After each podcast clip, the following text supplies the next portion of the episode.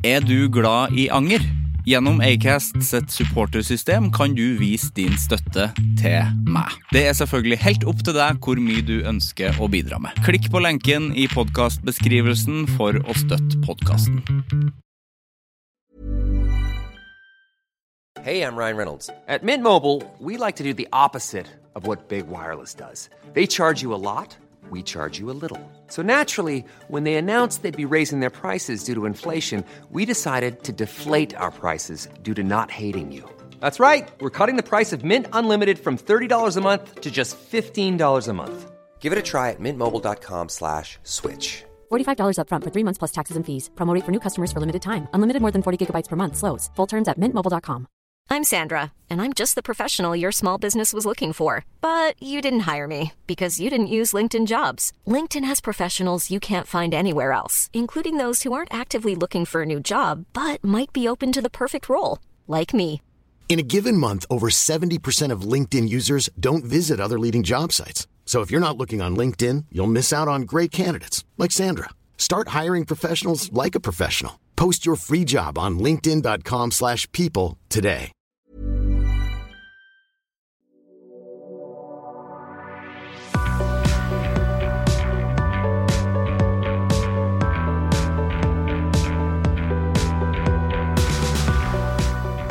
En ting som viser veldig godt hvor dum vi mennesker er, det er at i hvert fall der jeg jobber, så står det på døra eh, dytt eller trekk eller skyv, eh, står det. For, og da fortell meg hva jeg skal gjøre med den døra.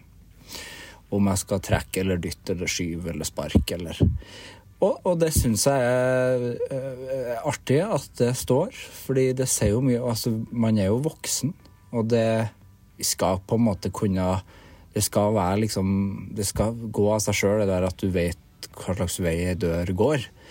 Men sjøl om det står på døra, så gjør jeg jo feil.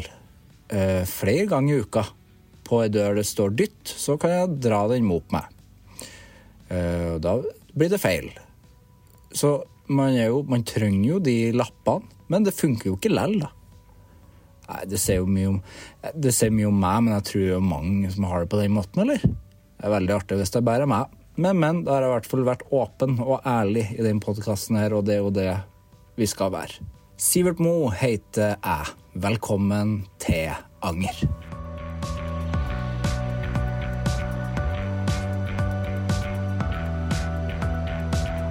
Mattis Mant er gjest i Anger i dag. Mattis er musiker, låtskriver og frontfigur i Aktiv dødshjelp. Han lever 95% av livet sitt i fortida og angrer mye. Han husker nøyaktig hva som skjedde for 20 år siden, og som han mener mennesker rundt seg bør angre på den dag i dag. Vi snakker bl.a. om at Rocke-Oslo har et unikt samhold, om å generelt ikke ha så høye forventninger, om siste singel som utad ser ut til å handle om pasta, men som handler om vennskap og å nyte livet sammen. Hvor deilig det var å spille inn musikk i Italia og ikke ha muligheten til å tenke på noe annet enn prosjektet. Om livet som nybakt far til tvillinger, og at det må være lov å si at man er litt ekstra sliten da. Og være veldig lei av å høre hvor mange som skal ytre hvordan barn skal oppdras på ulike plattformer, når det som funker for din unge, ikke nødvendigvis funker for alle andres. Om da setninga 'Har du lyst til å score mål', eller 'Har du lyst til å drepe de som scorer mål', forandra livet hans om skammen rundt det at noen skal på do etter han, og en god del om at det italienske kjøkkenet er for strengt, at man ikke må påpeke ting ved kroppen til andre, og den herlige selvpiskinga man utsetter seg for i kunsten. Nå starter vi.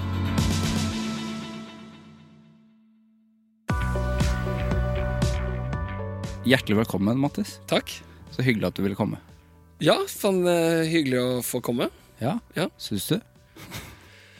Ja, eh, ja da, jeg syns, jeg syns det. Ja. Jeg, jeg blir litt så overraska over hvorfor jeg blir spurt. Det er sant? Ja, fordi eh, når jeg ser på liksom, lista over folk som, som har vært i podkasten din, da i, eh, eh, i over seks år, Ja, som du sa, ja. eh, så er det liksom Jeg vet jo hvem nesten alle 300 eller 250 gjestene du har hatt, er. Ja. Men, eh, men jeg føler ikke at liksom, de 300 vet hvem jeg er, hvis du skjønner hva jeg mener. Nei. Eh, men så tenker jeg sånn, kanskje det er vanlige folk sin tur, da. Det, var, det er vanlige folks tur. Det har regjeringa sagt i Ja. årevis. Ja. Nå er det på tide. Nei, Men av de 300 så er det mange du også ikke vet hvem er. Ja, det kan godt være. Jeg så ikke gjennom hele. Jeg kom bare til sånn 220 episoder. Ja. ja. For det er, jeg liker jo å snakke med alle jeg har lyst til å snakke med. Så det er jo ikke bare Åse Kleveland hver uke. Nei, Selv om det hadde vært interessant, det, med bare Åse Kleveland hver uke. ja, ja. Men det hadde jo vært en annen Og så er det- Sivert og Åse blir venner. Ja. og så er det sikkert mange jeg vet hvem er, som ikke liksom en vanlig mann i Hallingdal vet hvem er. Ja, for det har jo vært mye musikere. Jeg er jo veldig glad i å snakke med musikere. Ja. Så, og der er det jo ikke alle som er kjempekjente. Det er liksom ikke Nei, det jeg går etter heller. Lite miljø. Et lite miljø. Ja. Godt miljø. Godt miljø. Ja. Ja. Syns Rocke-Oslo det er fint, fint sted. Rocke-Oslo har en uh, egen ting Ja, det har det. for seg. Ja, det, de, de, ja, det er noen veldig, veldig uh, ildsjeler som holder det levende. Ja. Og band som på, måte, på alle måter holder sammen og spiller konsert sammen. Og på en måte eh, Ja, Så det er ganske imponerende. Har du merka det de siste årene? For da har jeg tenkt på at det har det egentlig bare blitt bedre. Ja, det kan godt være. Vi har For å ikke snakke oss selv liksom ned, da, men vi har på en måte eh, ikke bevisst unngått det, men vi har på en måte holdt oss i, på en måte, de andre, i andre mediekretsene. Så vi har liksom ikke involvert oss så hardt i det der punkmiljøet, eller rockemiljøet i Oslo.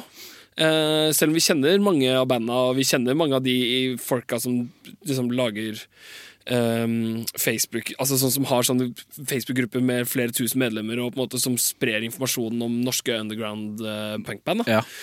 Men vi har liksom ikke vært så deltakende i, uh, i det miljøet. Nei, for dere er mer media, mediefolk. Ja, nå alle jobber Alle. jo på en måte Nesten alle jobber liksom i TV. Ja, ikke sant? Uh, eller reklame. Ja. Ja. ja, og da er man jo litt på Litt på utsida. Jeg føler jo at det er jo Jeg er jo ikke heller liksom inni den der eh, De unge Nei. Unge punkerne. Nei. Jeg føler meg ikke som en ung punker. Uh, Oslo-punker. Nei. det gjør ikke jeg heller Nei. lenger. Nei.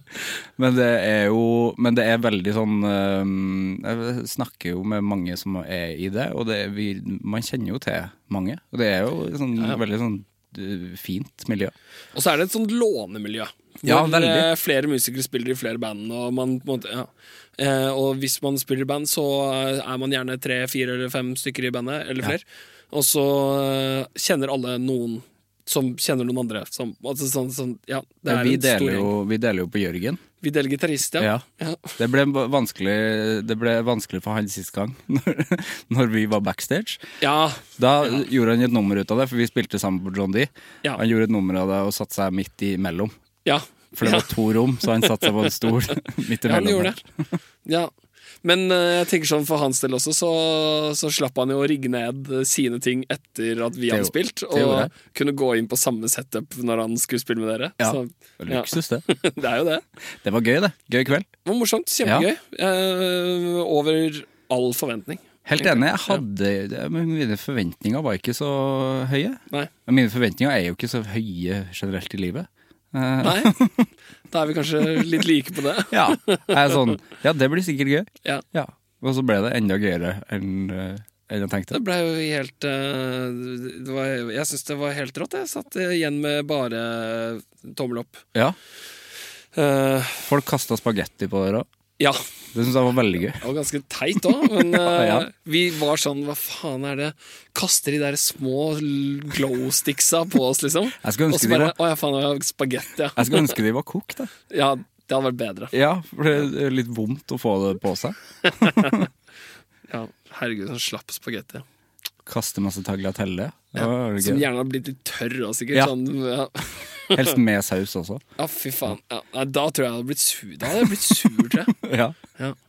Jeg blir Ja. mye sur. For det, er jo, det høres jo rart ut uh, for deg som hører på at noen kasta spagetti, men det er jo fordi den siste singelen deres handler om uh, spagetti.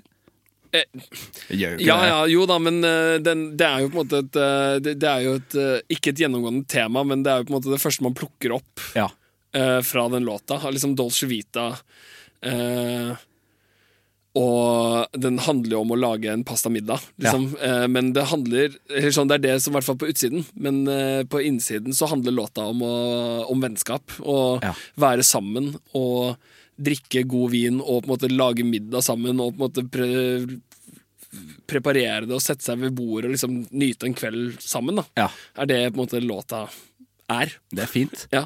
Var det meninga hele veien at det Nei. skulle handle om det? Nei da, det var ikke meningen. eh, Eller sånn, I utgangspunktet så hadde låta en idé som, som var mer eh, For du ser jo hva som skjer når du går. Ja. Som var en sånn Jeg som bor sammen med kjæresten min eh, når den personen forlater leiligheten for helgen, og jeg skal være hjemme alene. Ja.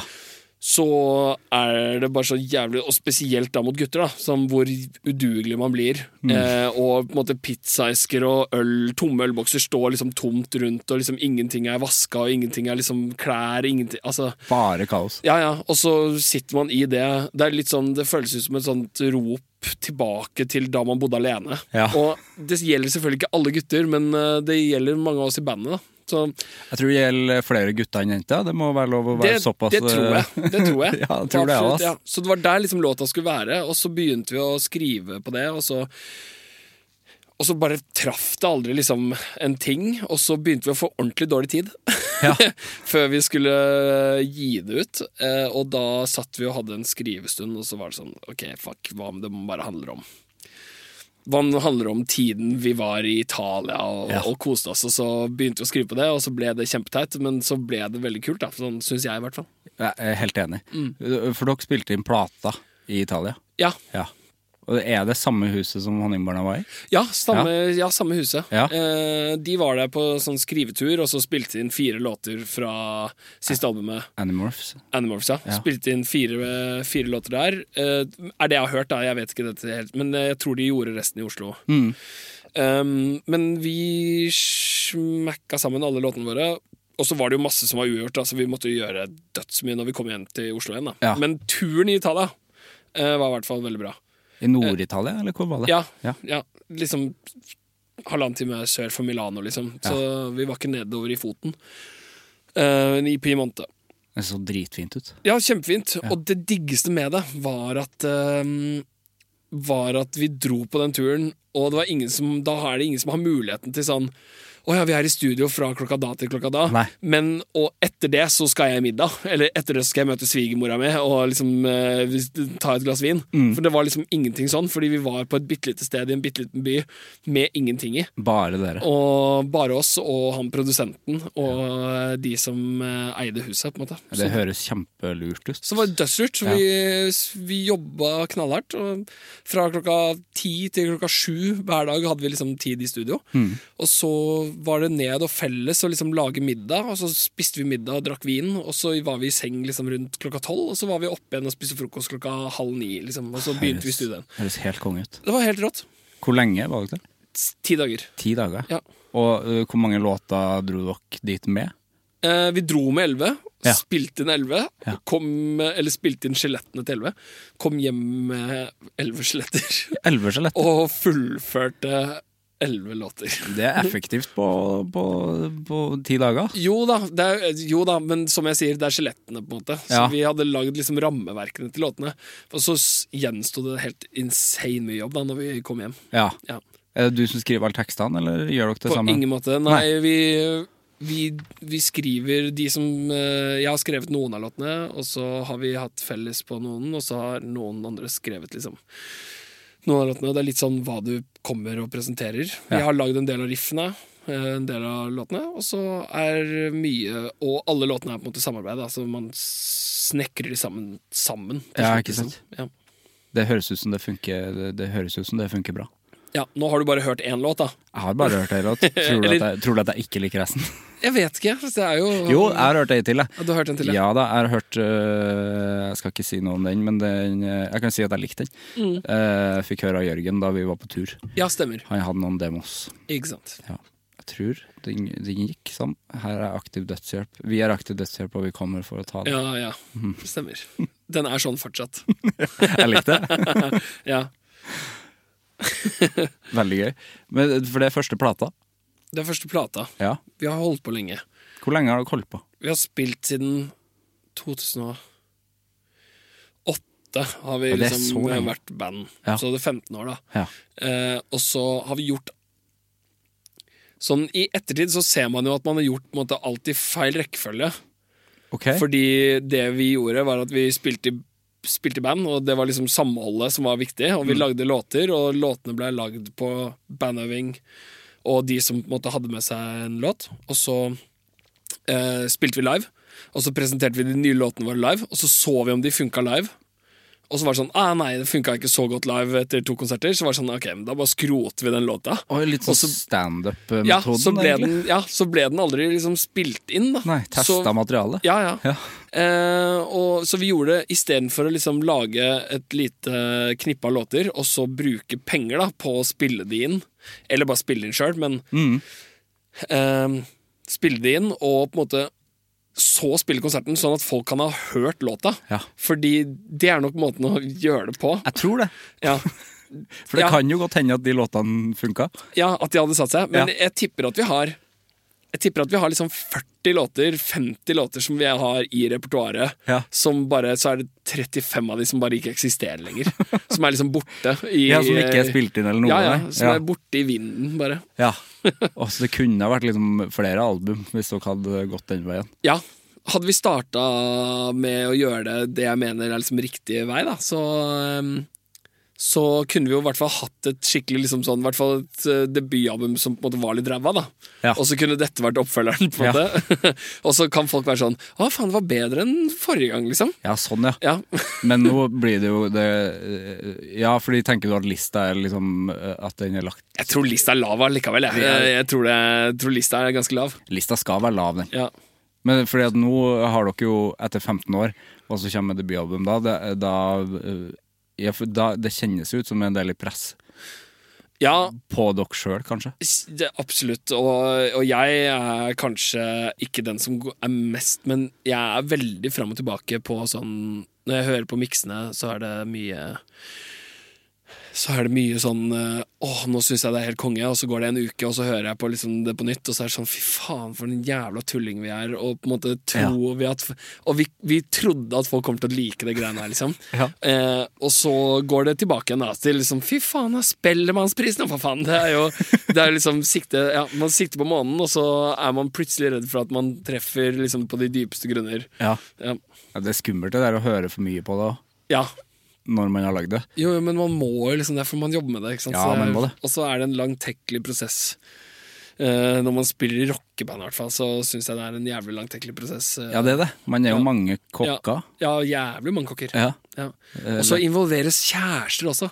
Og Ja. jeg, jeg tar kritikk på det, liksom, men jeg har involvert min samboer også i dette. Ja. Eh, og da kommer det plutselig noen meninger fra, fra venstre som man ikke helt eh, trodde man skulle få.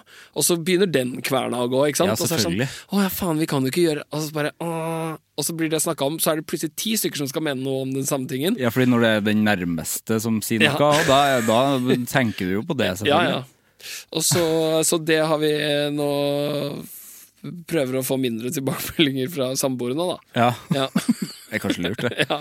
Selv om det er jo fint med input òg, men eh, til slutt så må man jo bare si stopp. Fordi Ja. til slutt så må det jo bare være ferdig. ja, og så må man nesten velge de tingene man skal få tilbakemeldinger på. Jeg tror Erfaringsmessig nå, da, så er det sånn med noe om akkurat dette, enten denne eller denne. Hva syns du, liksom? Hva er det som appellerer til deg? Enn å være sånn hør på hele den låta og si meg hva du tenker. Og så er det sånn Hvorfor er det en l- som, Nei, nei, nei, den skal være der. Den, Ja. den skal 100 være der.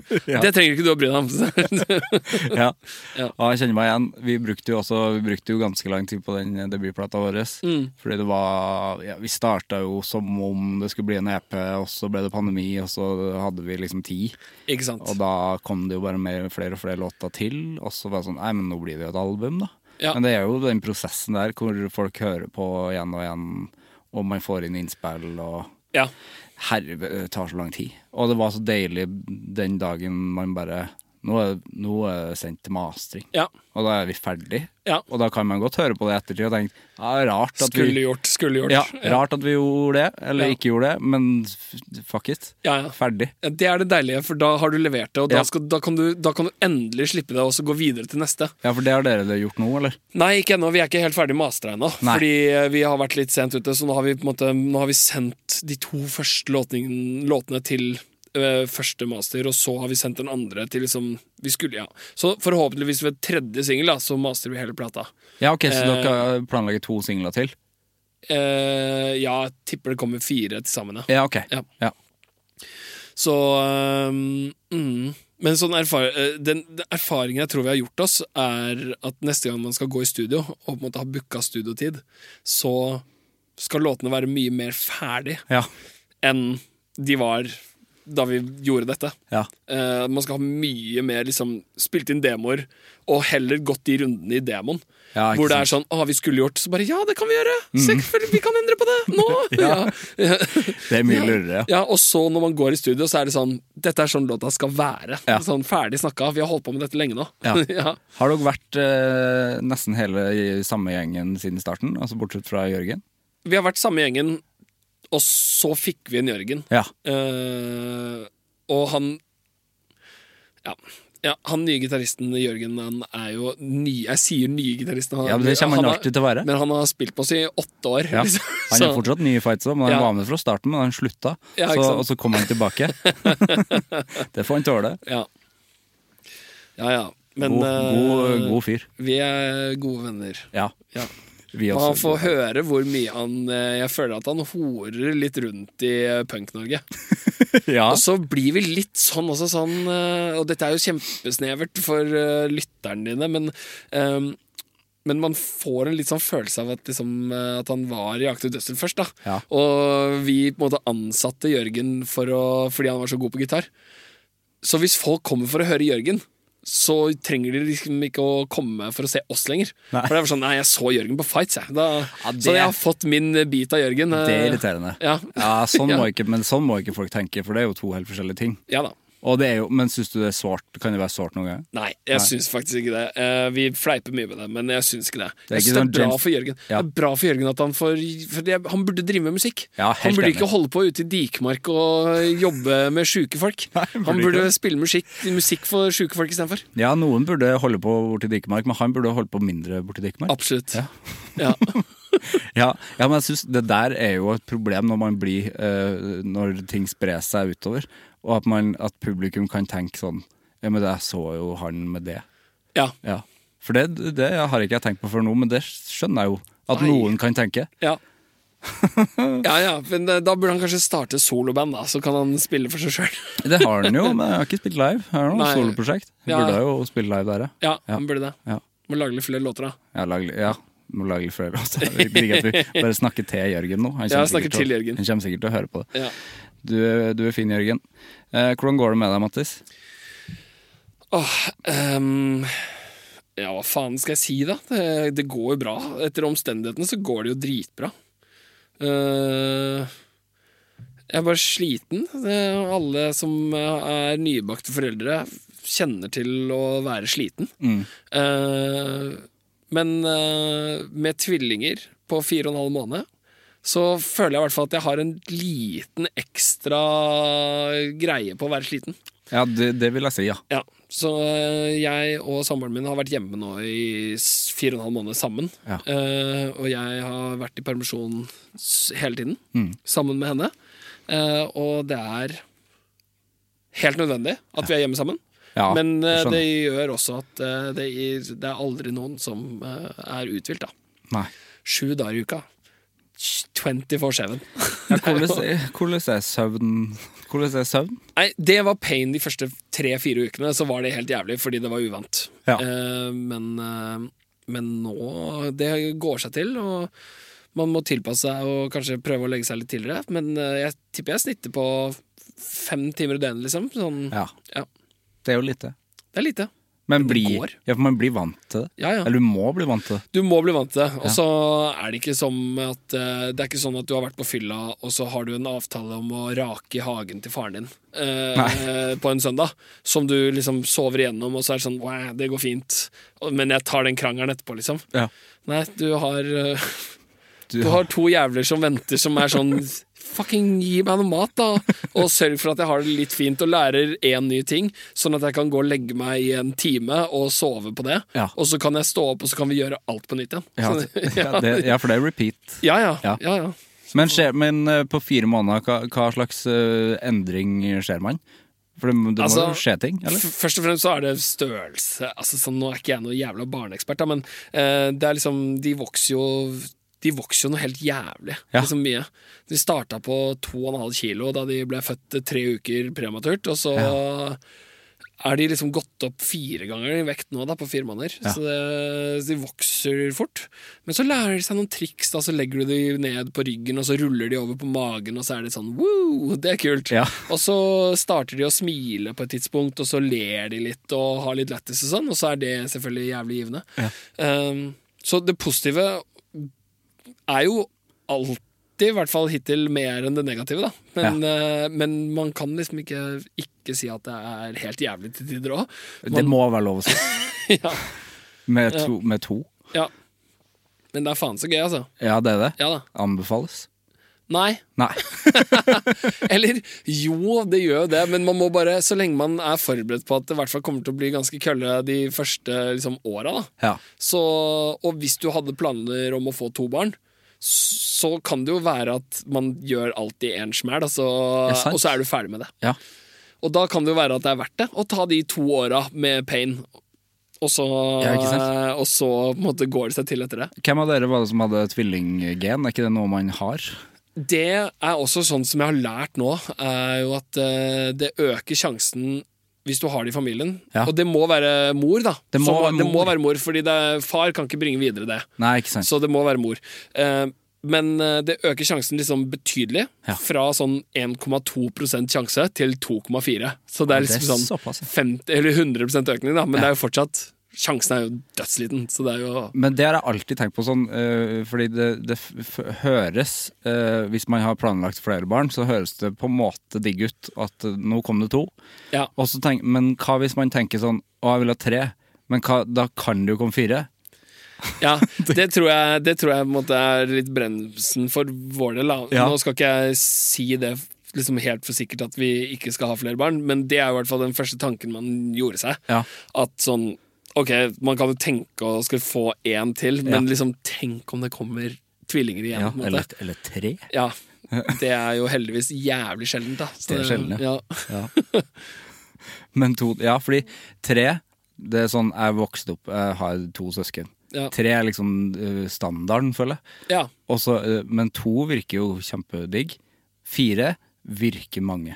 Det virker som mange. Det virker mange. Ja. Jeg er enig. Ja. Men eh, jeg har hørt, og det kan godt være at de har hørt fra eh, pappskaller og idioter, liksom, men jeg har hørt høre at, jeg har hørt at liksom etter to eller tre, etter tre unger, så går det litt av seg selv. Oh, ja. Fordi da har du vanligvis unger som er på en måte allerede barn som er liksom så store. Ja. At det blir bare sånn massesuggesjon. Du bare, hvis du får liksom fra fire til ti kids, da, så bare putter du bare ungene inn i den miksen. Ja, for de passer på hverandre. De passer på hverandre. Ja. Ja, så det, det noen sier, er at uh, Derav Ingebrigtsen-familien. Vil jeg anta. Ja. Ja. ja, Men det er jo bibelbeltegjengen. Og, Det er det også. Ja, da. Ja.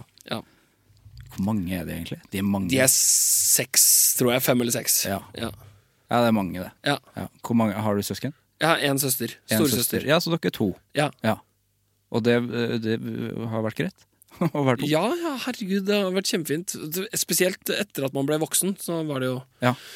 Vi er sånn fem, fem år imellom oss, så det øh, Så hun holdt på med sine ting, og liksom Miss 60-bokser og boyband, liksom. Ja. Eh, mens jeg hørte på Dr. Dre og gikk i joggebukser og skata. Ja. Så vi var jo aldri liksom noe match før hun flytta ut. Spesielt etter at hun flytta ut, så ble vi liksom venner. Ja, Men fram til den dagen vi bodde i samme hus, så var det jo et helvete. Ja. Ja, ja. Jeg var jo ikke Jeg var nesten ikke hjemme første Nei, de siste seks åra hun bodde hjemme, så var jeg ikke hjemme før mamma og pappa kom hjem. Nei. For da kom jeg hjem fra skolen, og så var hun hjemme allerede. Og så var hun sånn gå Jeg hadde en kompis da som bodde rett nedi gata, som het Carl. Eller heter Carl fortsatt. Eh, så hun var sånn 'gå til Carl', og jeg var sånn åh, fuck, jeg orker i hvert fall ikke å være her med deg.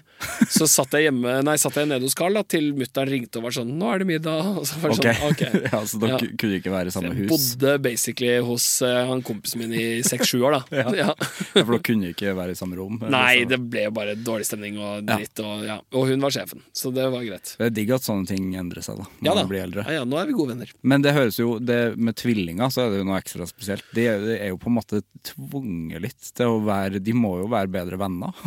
Eller? Jo, og det tror jeg de blir også, fordi de at vel bli automatisk, liksom? utvikles på en måte samtidig. Da. Nå har jo jeg gutt og jente, Ja, så det kan jo være at hun plutselig utvikles mye raskere enn han i starten, og at uh, hun drar fra han, på en måte. Ja.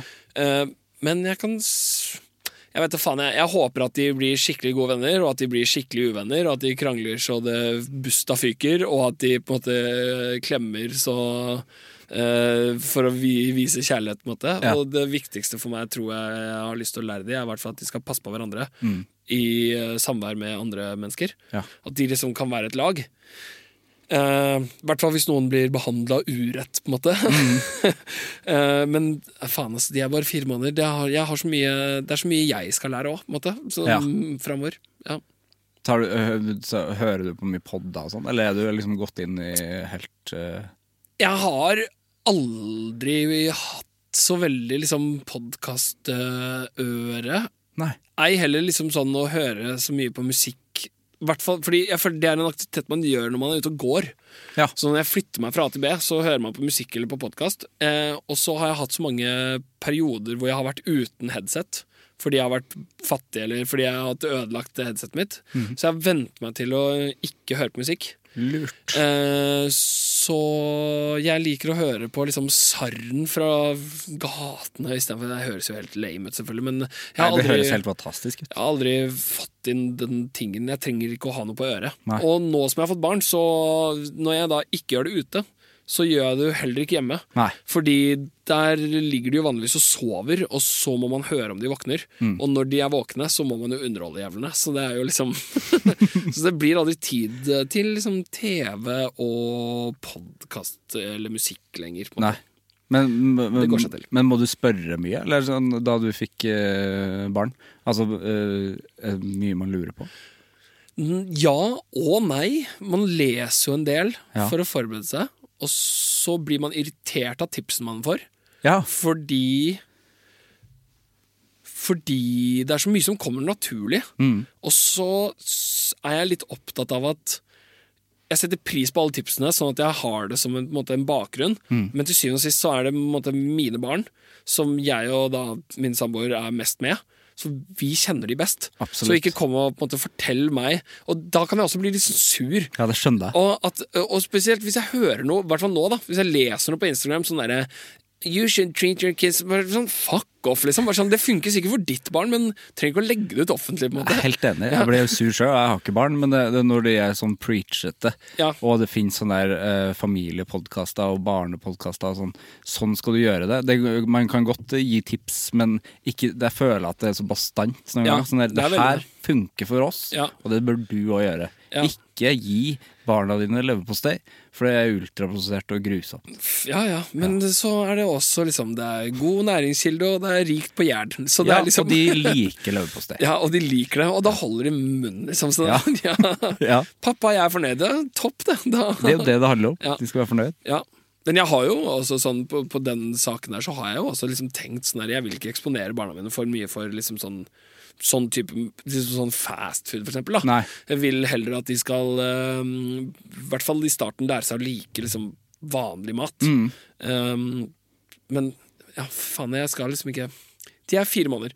Jeg veit jo ingenting, på en måte. Nei. Men det eneste jeg vet, er at akkurat her og nå så funker det vi gjør. Det er, det er det viktigste. ja.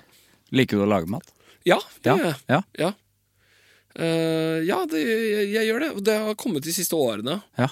Uh, litt sånn in, Ikke interesse, jeg er ikke interessert, men eh, jeg liker å lage mat og få det til. Ja. Ja. Jeg er helt enig. Det er noe av det beste jeg vet. Mhm. uh, men det virker jo som det kan jo være vanskelig å få tid til å bruke veldig mye tid på matlaging, eller går det opp med kids?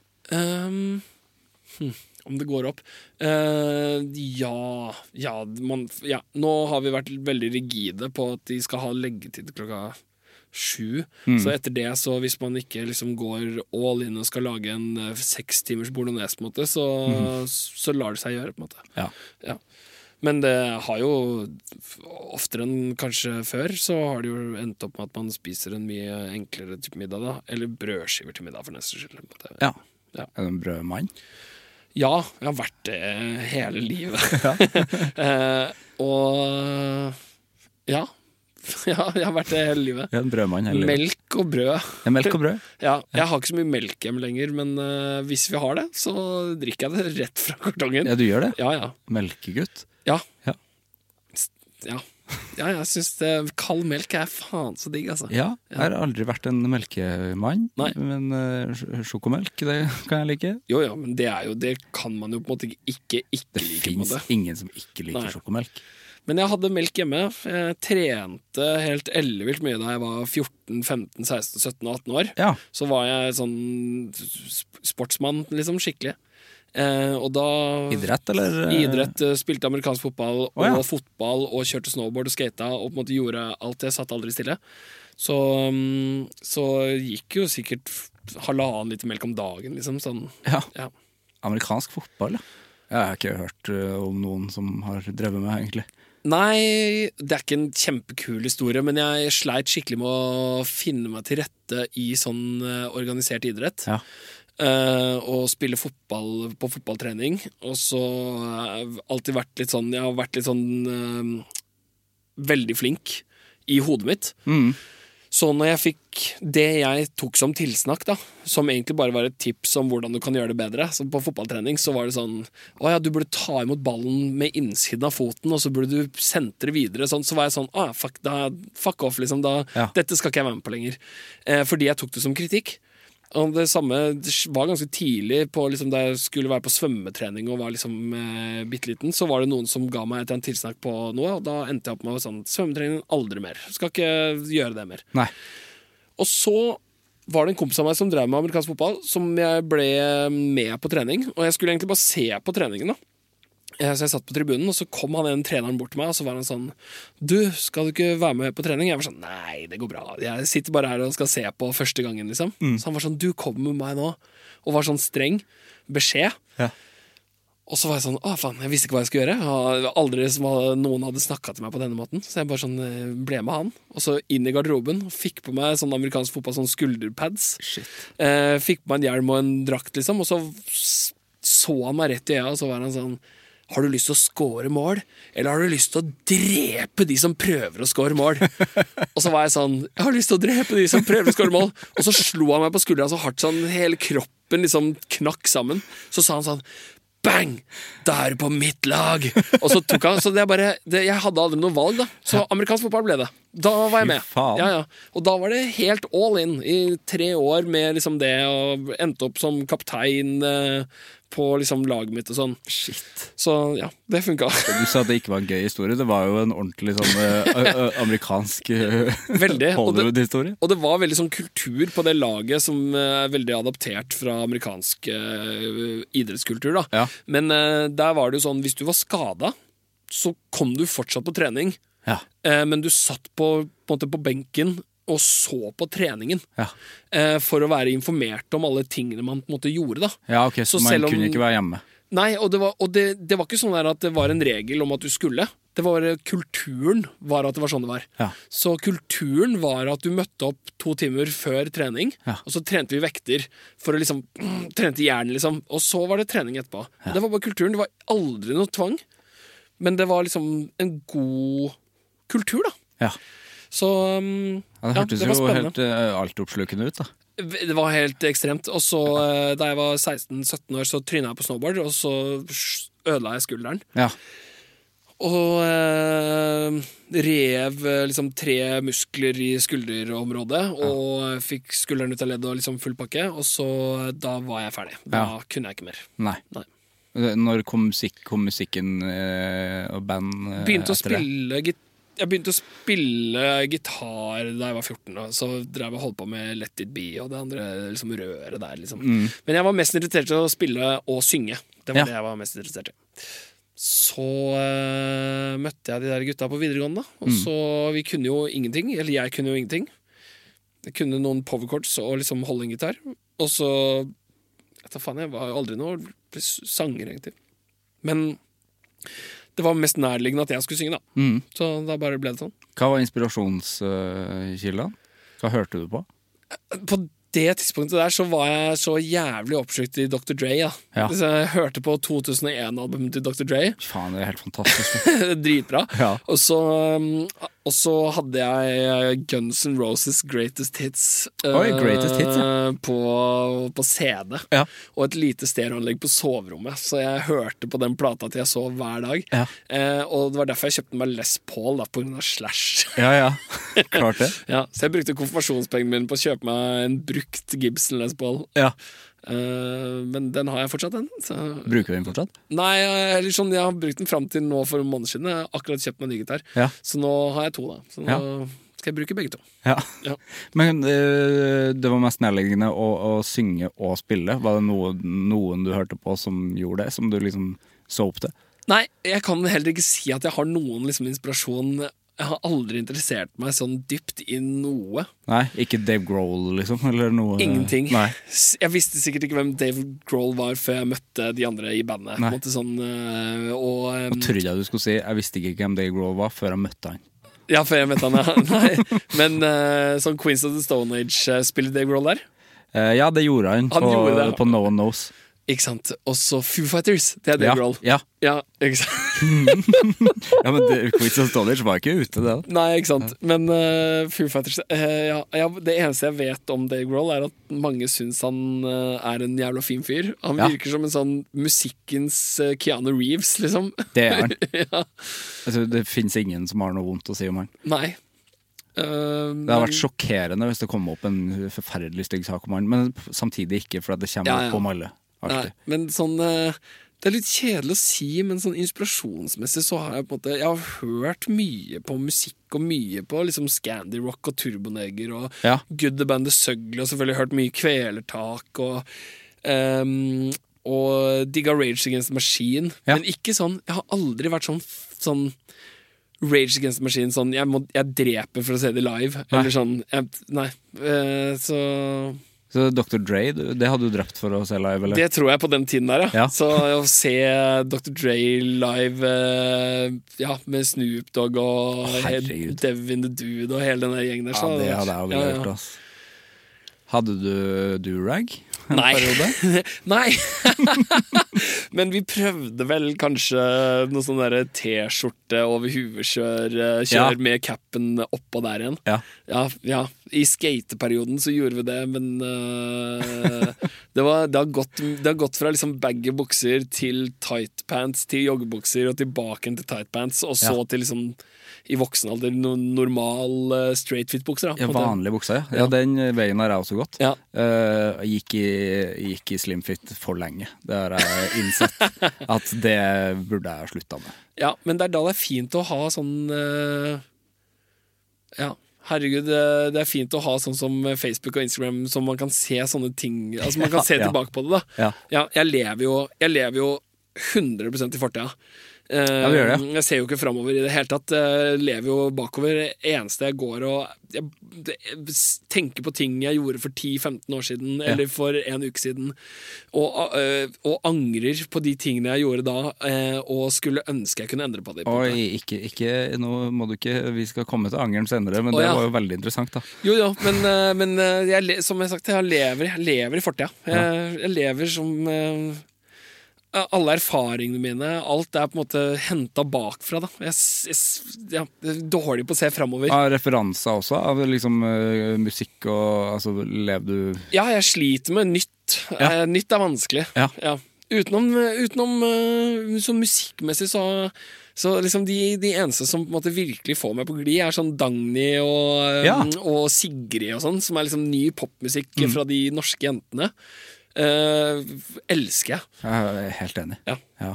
Jørgen også. Ja. Jørgen er også veldig glad i Dagny. Ja, ja, jeg og Jørgen, eh, og flere i bandet for så vidt, da, er jo Dagny-fans. Jeg har eh, prøvd å få med Jørgen på Dagny-konsert flere ganger, men Ja. han kunne ikke. Han jobba på Dikemark. Ja. Jeg er veldig glad i Dagny. Hun har jo vært her også. Jeg syns jo det er en av de beste vi har i landet. ja, ja, Altså, hun er helt, hun er helt rå. liksom. Hun Ja. er helt rå. Jeg så henne uh, første gang eh, noen måneder før Backbeat kom. Da var jeg i Tromsø, og da eh, hadde hun en sånn akustisk konsert på Blårock, der, Ja. hvor hun satt på bardisken, og så var det bare en gitarist. Helt fantastisk. Hun satt på bardisken. Hun satt på bardisken. Herregud, ja. Ja ja, det Dagny. Dagny satt Faen, så flink, altså. Så jævlig flink. Utrolig flink. Ja. Og et sånt navn som, eh, som har blitt kult igjen, for det er ikke et veldig kult navn. Nei, Det er jo sant. det er, jeg vet om mange gamle damer fra Trøndelag som heter Dagny. ja ja. Ja, det er jo et Ja. eh, gammelt navn. Men eh, det er jo et veldig fint navn, og det er akkurat som du sier, det kommer eh, liksom tilbake nå. Som et, eh, og sikkert for noen år siden også, men som et navn som folk putter på barna sine. Har du, var det vanskelig å finne ba navn til barna dine? Ja, ja, Ja. det var det for så vidt. Um, Tenker man mye på folk man ikke liker og sånn? Det, ja, det er det eneste man gjør. Ja, det er det. det er det eneste man gjør. Ja. Og det er jo så mange Ja, ja, og som heter ting. Ja, og vi eh, Ja, nei, vi endte opp eh, med å eh, Akkurat det. At det var liksom Noen kom med et forslag, og så var det sånn Nei, faen, jeg kan, det, ungen kan ikke hete det. Eh, men så fi- fikk vi vite at vi skulle ha tvillinger, så tenkte vi det blir jo litt lettere, kanskje, da, siden det er to. Eh, så da kan vi jo Da er, trenger man ikke være helt enig om ett navn. Nei. Men jeg tror nesten det gjorde det verre. Ass, eh, å Ja, det gjorde ha to, fordi da skal jo de to navnene passe sammen. Ja, de må jo det. Ja, Men øhm, vi endte opp til slutt med å bruke en sånn slags sånn Tinder-app for barnenavn. Ja. Hvor man linker opp liksom samme appen på hver sin telefon. Og, Og så så, kan man det var så bra du sa navn der. Du kunne bare endt på Tinder for barn. ja. Ja. eh, Og så kunne man like liksom eh, navn. Oh, ja. Og hvis du liker det samme navnet, så får du en match ja, da får dere to en match eh, får vi to en match som er sånn Dette likte vi begge. Det er veldig gøy. Så det er jo kjempegøy. Ja. Eh, men den sto helt fram til vi kom på sykehuset og hadde liksom eh, samboeren min hadde født. da Ja. eh, Og vi satt der med de to, og så var vi sånn Nå var vi nede i liksom tre navn per kjønn, da. Ja. Og så hadde vi jo en gutt og en jente. Eller vi var egentlig Ja, samme faen. Men vi var eh, Så begynte vi å tenke Vi måtte snu på det og være sånn Hva blir det i hvert fall ikke? Ja. Eh, og da var vi til slutt nede på ett jentenavn og to guttenavn. da ja. ja. Og så bare prøvde vi det. Så den ene dagen på sykehuset så kalte vi barna for jentenavnet og gutte, det første guttenavnet. Og så dagen etter så prøvde vi det andre guttenavnet. Og så endte vi opp med det første. Så, Ja, merker man at, det, at når du ser på ungen at det ser ut som det navnet, eller ser man det? For de, jo, de ser jo ikke ut som folk i starten. Man skaper seg det. Ja, man skaper det. Eh, og hvis du har noen dårlige erfaringer med det navnet som du ender opp med å velge, velge på ungen din, så får du fort en positiv Ja, eh, erfaring med navnet. Ja. Du glemmer det der røret om det der, at det var dårlig stemning med det navnet fra før. Men det er ikke sånn, fordi at jeg hører folk si sånn her Ja, vi hadde ikke noe navn, og så kom hun, og så det var en Emma. det tror jeg ikke noe på. Nei, det, det tror ikke jeg noe på heller. Eh, og for vår del så var det vel bare Vi hadde endt opp med jentenavnet Liv, for det var det samboeren min eh, eh, hadde som favorittjentenavn. Fin navn. Ja, og så sto vi mellom eh, to guttenavn som var eh, Herregud. Nils eller var- Nei, eh, Lasse. Lasse. Lasse og Kåre var det det sto mellom. Kåre. Ja, Kåre. Ja. Eh, og så endte vi opp med Liv og Kåre, da. Ja, Det ble Kåre. Kåre. Det er et fantastisk navn. Ja. Og bestefaren min het Kåre. Ja. Eh, farfar. Og eh, han het Han het Kåre Adolf Akselsen. Adolf. Og født i 1923. Se der. Eh, men vi droppa Adolf, da. Så eh, det er jo ikke et humorpoeng engang, men det er bare det, det hadde jo faktisk Det hadde vært jævlig kult å liksom ta Adolf tilbake. Kjempegøy, for Adolf i seg sjøl Adolf er ikke et uh, stygt navn. Nei, nei. Det er jo det etternavnet som har uh, Men det er vel ikke greit å kalle det Adolf? Ja, men det hadde jo ikke blitt Kåre Adolf Hitler heller, på en måte. Så det er jo Nei, det hadde ikke det. Men det var jo sånn med Anders, eh, navnet Anders etter eh, 22. juli. Ja så da. gikk jo Anders-navnet dramatisk ned, i hvert fall de første to årene etterpå. Ja. Og så på en måte henta det seg tilbake igjen. Ja, det ble ikke skada så, i så stor grad. Ikke som Adolf. Nei, for det er så mange som heter Anders. Ja. Og jeg ser jo også Anders. Så det blir sånn annerledes på Hvordan skriver du det? dialekta. Det skrives akkurat sånn som du sier. Å ja, men du bare ja. Anders. Det syns jeg er irriterende. Ja, det er irriterende, ja. Ja. Men det, dialekta er jo irriterende. Det blir som at jeg skulle kommet dit i dag og så vært sånn 'Halla, Sivert', og du er sånn 'Det er Sivert'. Ja. Ja, så Hvordan kan jeg vite det? Det er umulig å vite. Det er kjempeirriterende. Ja. Ja, jeg har et søskenbarn, han, heter, han er fra Tromsø, han heter Anders. Ja, ikke Det er veldig rart å si Anders til han. Jo, jo, men da er det dialekta som bestemmer det. Det er dialekt, det. Ja, ikke sant. Men dialekt er irriterende. Det er jo som Jeg sier jo 17. mai. Ja. Det er, Mai, ja. det er jo rart, det òg. ja. Og mais. Mais, ja. Mm. ja. Mais. Mais. Jeg kan øh, Jeg tror jeg kan øh, ymte frampå og si, øh, si 17. mai sjøl, jeg. Ja. Ja. Istedenfor 17. mai. ja, det er med 17. mai. Men nå har jeg foreldre med dialekt òg, da, så det er, kanskje det er der det kommer fra. Hvor er de fra? Uh, Mutter'n og fatter'n er fra Telemark, så Ja, da blir Ja. det mai. Men i Skien, for eksempel, så sier de mai. Ja, de gjør det. Ja, ja. Ja, Skien, ja. Skien det er ganske bredere enn man tror. Skien. Ja, ja. Ja. Grenland er ganske breit. Ja. Det er jo Telemark, det. Blir det jo, jo. Ja. Absolutt. Ja. Men ehm, plata, når, eh, når kommer den? Er det Eh, satt? Dato er ikke satt, Nei. men uh, skal vi slippe singel i desember. Og Mm. så skal vi ny singel i januar og ny singel i februar. Og så skal vi slippe plata i mars, er planene. Ja. Ja. Hvorfor så mange singler? Hvorfor gjør man det? Vi gjør det sjøl, jeg bare lurer på hva man tenker. Inspirasjon fra Dagny og Sigrid, da, Mm. som uh, får uh, mye u, bli, Eller får utnytta de nye låtene sine mye. Ja, det gikk jo veldig bra med den første singelen Ja da. Og hvis du har spilt inn eh, x antall låter og skal slippe i et album, så før i tiden så slapp man det på CD eller på, eh, på plate, og da var det jo liksom bare den musikken folk hadde. Men vi har jo ikke det oppmerksomhets-konsentrasjonsspannet lenger i det hele tatt. Det, eh, det som vanligvis, og vår observasjon, da, er at et rockeband vi liker, eh, slipper en ny plate, og så hører man de første fire låtene, og så blir man liksom Ja, og så var det nok. Ja, ja, Og så hører man ikke de seks siste, da. Så hvis du slipper uh, fire singler, da, så kan du spe de singlene ut på plata, og så kan folk ha neste holdepunkt som en sånn Kjempelig. Jo, men jeg hører denne låta, fordi etterpå så kommer den jeg har hørt allerede. på en måte Ja, det er kjempelurt. Ja. For ja, det er mange låter når man gir ut en plate som bare blir Man hører ikke på det. Og låter som, som sannsynligvis også forsvinner. Som, eh, hvis du hadde gitt ut som singel, så hadde de blitt hørt på, og folk hadde likt det. Eller i hvert fall fått en ikke nødvendigvis likt det, men de hadde fått en uh, tilknytning til låta. Fordi Ja. det er den eneste låta som er ute. Jeg digger dette bandet. Når slipper de ny musikk? Nå slipper vi singel, så er det sånn Ok, det er den eneste nye låta jeg kan høre på. Mm. Men hvis du slipper et helt album, så er det sånn Å ja, ok, faen, jeg digga 1, 2, 3, likte jeg, på en måte. Ja, man blir jo mett. Og så blir man mett. Ja, ja. Ja. Det, er, veldig få sånn Jeg prøver jo liksom å være flink på å høre hele album, men det er Det tar tid. Ja. Det tar tid. En kompis av meg sa at uh, når det er band han er skikkelig glad i, Mm. så hører han fra låt nummer fem eller seks Ja. og ut. Ja. Og argumentet, eller tanken er, jeg kommer til å like de fire første låtene uansett. Lurt, egentlig. ja, så jeg starter på nummer seks, og Ja. så hører jeg ut plata. Ok, det var sånn og sånn, så hører jeg de fire første, men da har jeg i hvert fall hørt hele.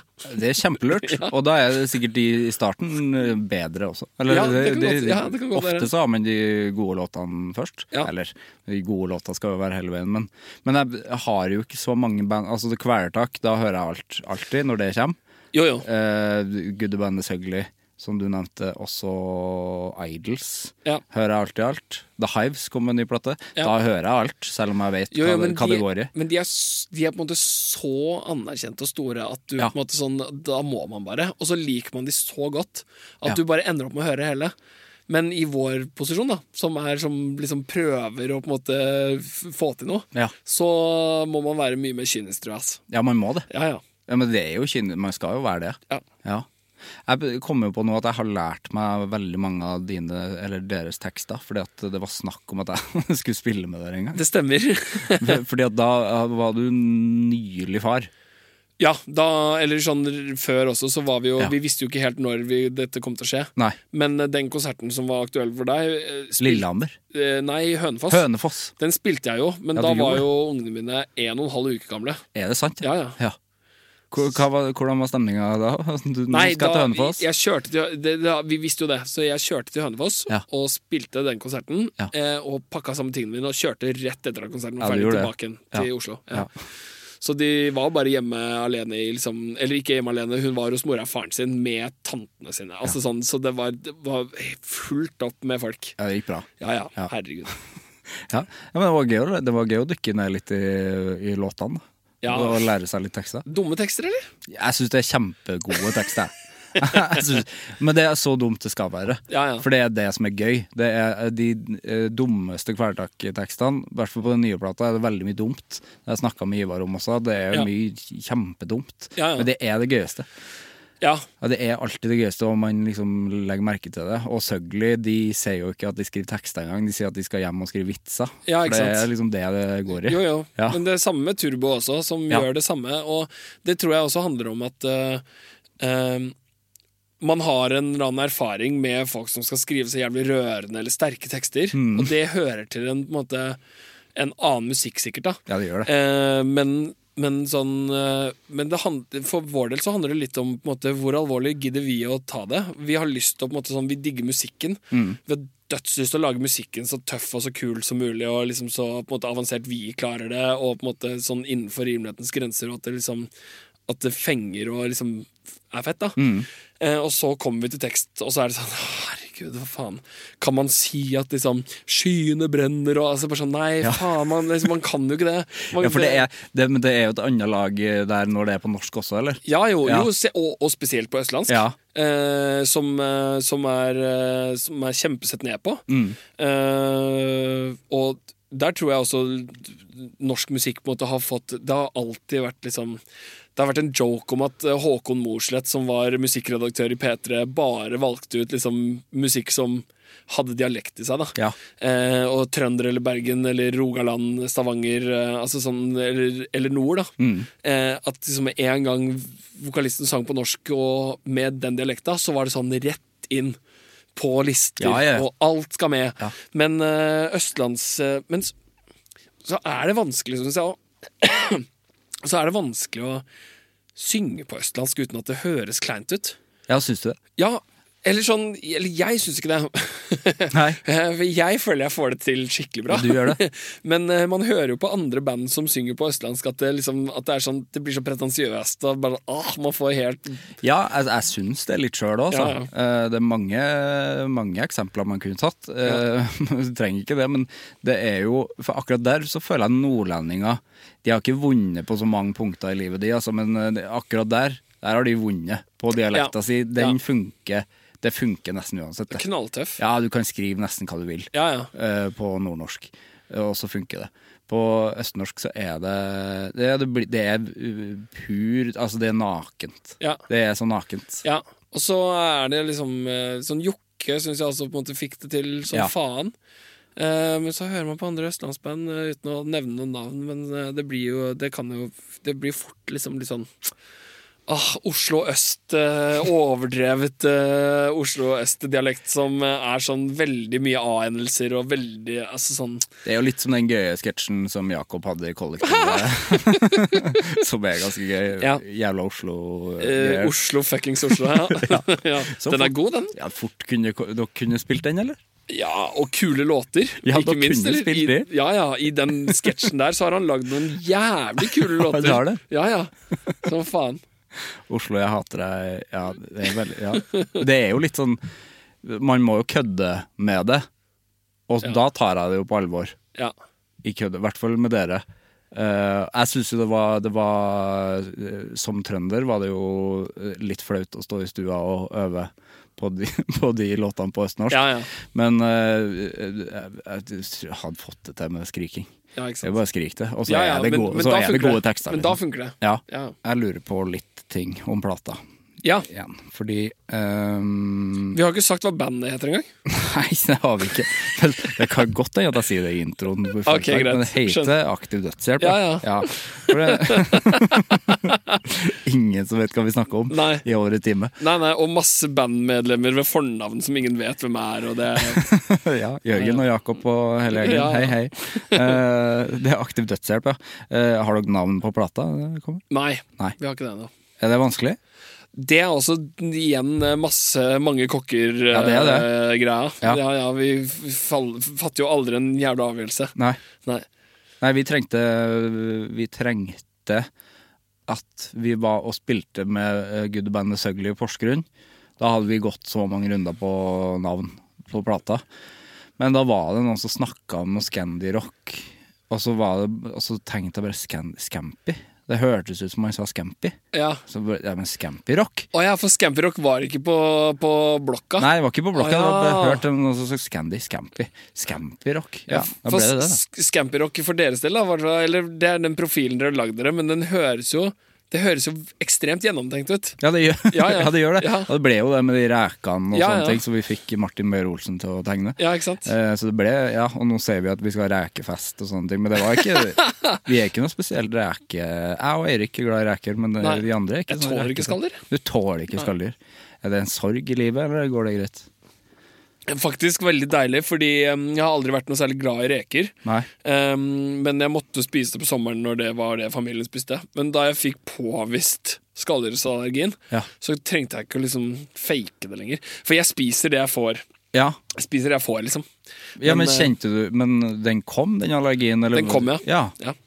Og det er all, alt av skalldyr? Eh, ja, i hvert fall av hummer Uh, oh, buhu. Kjipt å ikke få Ja. hummeren på, hummer- i helga, da. ja, hver helg. uh, hummer og reker og Men det spesielt det Det er vel kanskje ikke så jævlig mye andre skalldyr. Jeg spiser blåskjell og sånn, det funker. Ja. Men, men sånn skalldyr som reker og hummer da, Skjell er kanskje noe annet, det. Ja, ja, kanskje. Ja. Det er kanskje sånn bløtdyr, eller hva faen det heter. Bløtdyr, Ja. det syns jeg er et veldig ekkelt ord. Syns du det? Ja. Ja. det høres uh, dvaskt ut, i hvert fall. Ja, og jeg syns ikke et skjell er et bløtt dyr. Nei. Jeg syns ikke det er et dyr engang. Nei, Det er jo dyr. det er dyr. Ja. Ja, nei, men jeg får i hvert fall sånn eh, Det klør i øya, og leppene mine hovner opp, og tunga da er det det, er liksom ikke bra. Det er ikke verdt det. Nei. For, men du var ikke noe glad i det? i Nei, Fortnite? ikke noe særlig glad i det heller. Og, men det kan være at jeg, jeg liker ikke å skrelle potetene mine heller, måte, så jeg spiser de med skall på. Så det kan være at det er det også som var på reker. da Jeg At jeg- hater å skrelle potet. Ja, ikke sant? Jeg er helt dårlig på det. Ja, jeg liker ikke å skrelle reker heller. Så det. Jeg skre, da jeg var voksen, så skjønte jeg jo at å ja, man kan jo ta av skallet på poteten før du koker. Du, ja, men da må du jo på en måte skrelle det da. da. Ja, men det er jo enklere. Ja, ja. Det er jo enklere å skrelle en hard, Jo, jo, hard potet. Fan, jeg koker potetene med skall på. Altså, Ja, det er jo ikke farlig å spise det. nei. Men det ser litt stygt ut i mos, syns jeg. Ja, kan være enig. Ja, da vil jeg skrelle potetene. Sånn I mos vil jeg skrelle potetene. Blir grått. Ja. Gråmos. Ja, ja. Det vil jeg ikke ha. Enig. Hva er det verste du kunne vært allergisk mot? Åh. Jeg vet hva, jeg, jeg uh, f- Åh, fuck. Uh, det er et jævlig godt spørsmål. Ehm, eh, jeg uh, Først og fremst eh, så er jeg en fyr som uh, Jeg liker Jeg liker sånn selvpining. Ja. Ikke nødvendigvis fysisk, men jeg er glad i å på en måte sånn Jeg kan teste sånn derre å faste i liksom flere dager uten å spise. Ja. Eh, bare for å kjenne på hvordan det er. Jeg liker å gå langt og bære tungt, eh, og ofte liksom langt forbi liksom det som man anser som grensa si på hvor mye man orker. ja, og når du skal få barn, da skal du få to. Ja, ikke sant? Ja. Jeg skal gjøre det skikkelig. Når man først, så jeg digger det. Så, eh, så i, i, i, den, i den sammenhengen så er det på en måte Det er ikke noe mat jeg tror du kunne tatt fra meg som hadde, måte, som hadde gjort meg mindre ulykkelig enn det jeg er allerede. Er det sant? ja. Hva er det beste du vet å spise? Ja, faen, eh, det jeg i hvert fall spiser aller mest, og som jeg har spist aller mest i livet, er, sånn, er liksom spagetti med dolmi og liksom eh, rødsaus. Ja, ja. Ja, det Og kjøttdeig, liksom. Dolmiosausen er ja, god, det, ass. det var det jeg ville ha til konfirmasjonen min. Da satt mutter'n foten ned og sa det skjer faen ikke, Det liksom. syns jeg er dårlig gjort, for de skal gjøre De skal gjøre akkurat hva, hva du vil ha. Ja. Ja. Men eh, nei, så det er det jeg på en måte sånn Hvis det er noe jeg skal gå tilbake til, som jeg på en måte er sånn Hva kunne du spist resten av livet? Den ene tingen, så er det det. Ja. Tror jeg. Ja. Så hvis de tok fra deg Så hvis jeg hadde blitt allergisk mot spagetti eller mot pasta, ja. så det hadde vært døvt. ja, men pasta Men uh, hadde ikke tomat vært verre? Eller sånn uh, Fordi Nei. spagetti i seg sjøl er jo liksom Ja, men du kan heldigvis spise bolognese uten tomat. Kan du spise bolognese uten tomat? Ja, altså Klassisk uh, bolognese er jo, er jo med selleri og løk og Ja, men det er jo tomater. Nei. Jo, hakka tomat. nei. Er det ikke hakka Nei, tomat? Ikke i sånn, ikke i sånn original eh, I, bolognese. I en kjøttragu? Det er jo Kjøttragu er nok noe, men Altså, i, en, i i, en bolognese så er det ikke det. Kødder du? Kanskje tomatpuré. Hvis du, men det er kumin og så Altså sånn det er Ikke kumin. Det er jo selleri, gulrot eh, og løk og, eh, og eh, olivenolje, sikkert. Er du sikker på at det er kumin? kumin, salt og pepper. Og hjortekjøtt, eller kalvekjøtt, og grisekjøtt. Men igjen, er du sikker på kumin? Kanskje ikke? Nei, fordi det er jo Det hadde jeg i en bolognese en gang, og da sa samboeren min at nå har du gjort noe rart for at det smaker taco. Ja, Ja, men skal du det, da? bitte litt. Litt snill. ja, det, det, Jeg er ikke helt sikker. Nei. Men jeg, Men følger, jeg følger noen gode kontoer på Instagram, som, og alle krangler om hvem som har den mest, øh, Riktige, mest liksom. riktige bolognesen. Så det i stedet for eh, Så du kan ha tomatpuré, men ikke hakka tomat. Helst ikke, men altså sånn at Jeg, jeg syns det italienske kjøkkenet er litt irriterende, egentlig, fordi det er så jævlig sånn tradisjonsbasert, som er sånn Dette gjør ikke italienerne, så er det sånn De er kjempeirriterende. Men, men det blir jo litt bedre, da, hvis vi Eller sånn, jeg liker det bedre med, på denne måten. Eh, og du kan absolutt lage en ragu med liksom Helst når du lager en sånn der type sofrito, så bruker du jo tomatpuré som du freser i bånn i Ja, ja. tørr kjele Ja. for å få den der stekte tomatfølelsen. Men du kan, du kan på alle måter droppe eh, hakka tomater.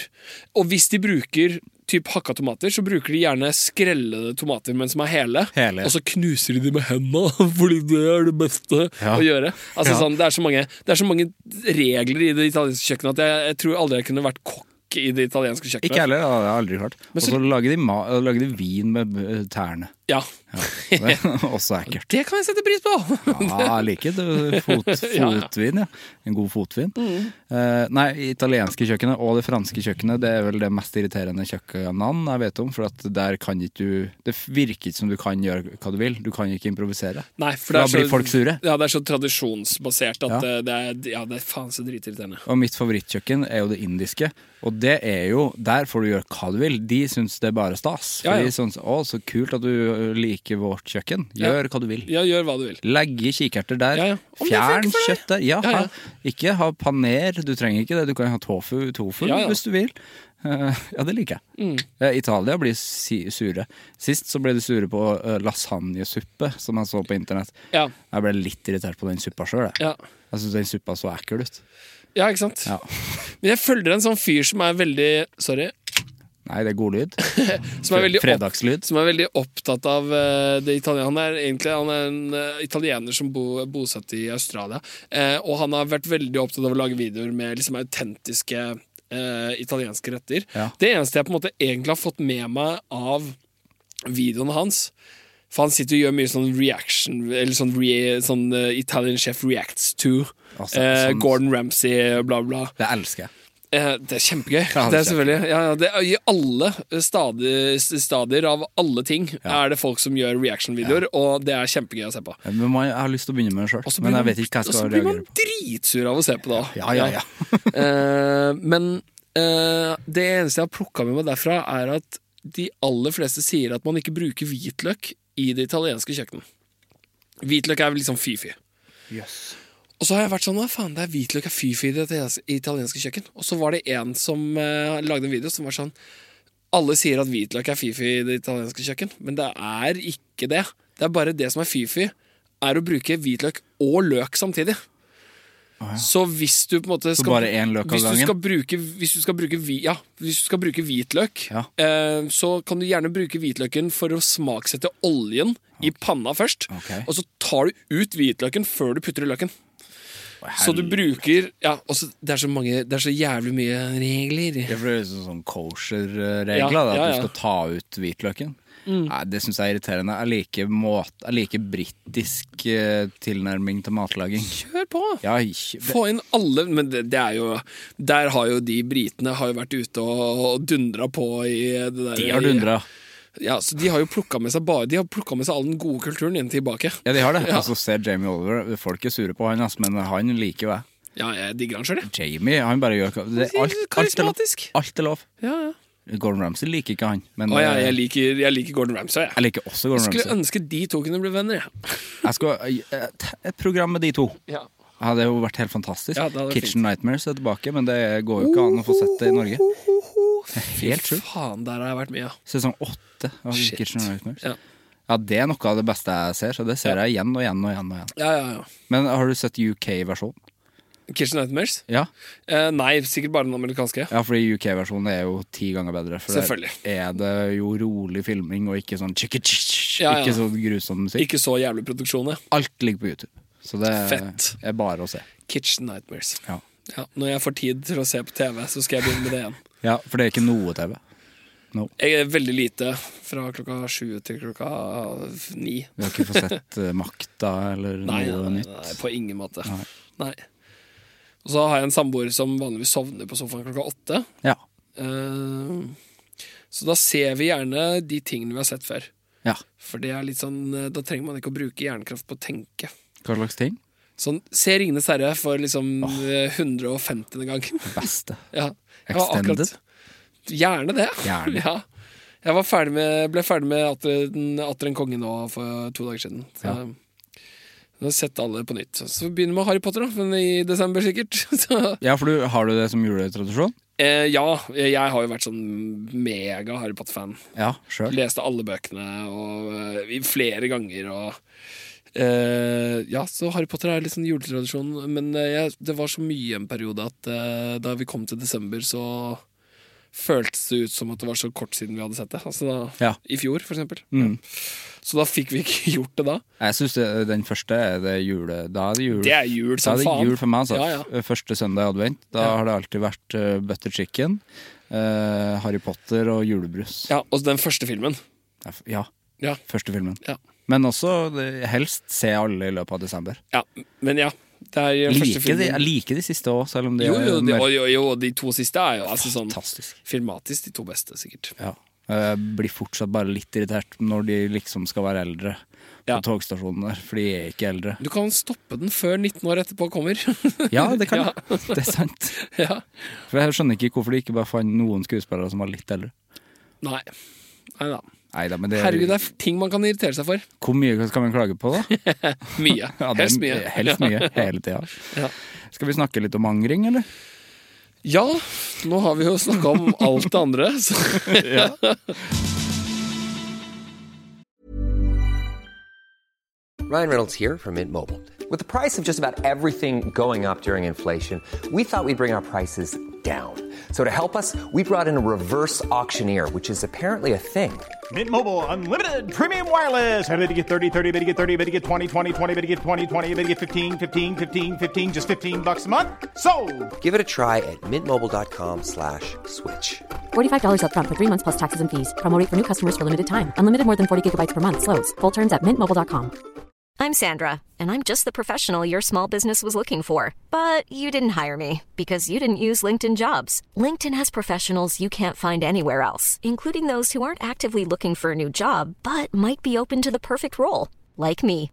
In a given month, over 70% of LinkedIn users don't visit other leading job sites. So if you're not looking on LinkedIn, you'll miss out on great candidates like Sandra. Start hiring professionals like a professional. Post your free job on linkedin.com/people today. Hva er ditt forhold til anger? Ai, faen. Ja, For det er sånn åpent irriterende, vet du. Ja, ikke sant.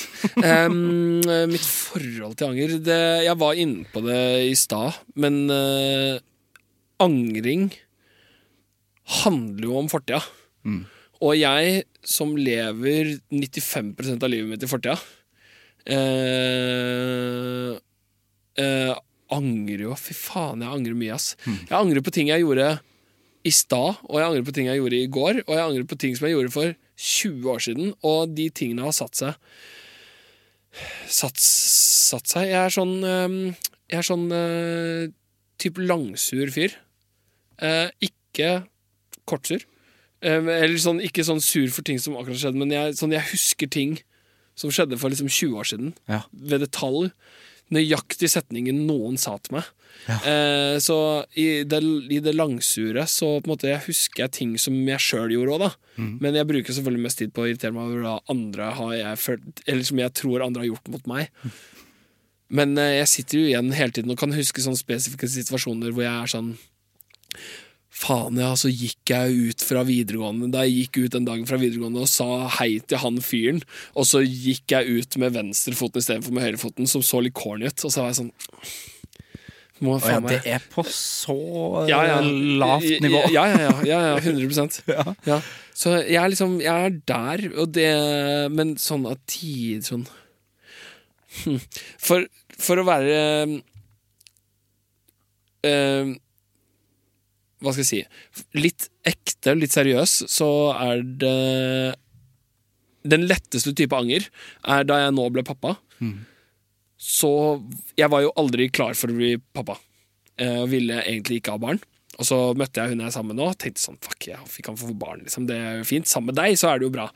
Eh, og så var jeg sånn Å, faen, gikk gjennom hele den graviditeten hennes og var sånn Å, jeg angrer på at jeg nå skal gjøre dette. Og gleda meg samtidig. Ja. Og da vi fikk barn, så fikk jeg en ny følelse, som var Jeg angrer på at ikke jeg gjorde dette for ti år siden. For det hadde vært så jævlig digg nå å ha ti år gamle barn bare. Og så bare hoppe direkte dit og være 32 og ha ti år gamle barn. Ja. Så da angrer jeg på det. Ja. Men det er jo Ja. Hæ.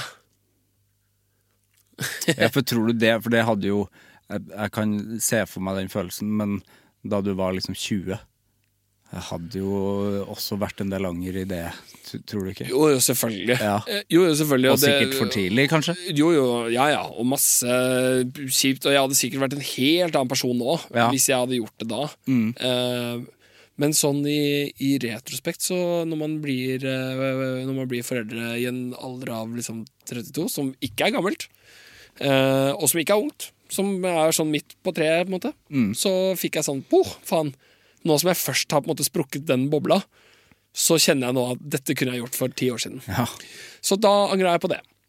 Eh, og så angrer jeg på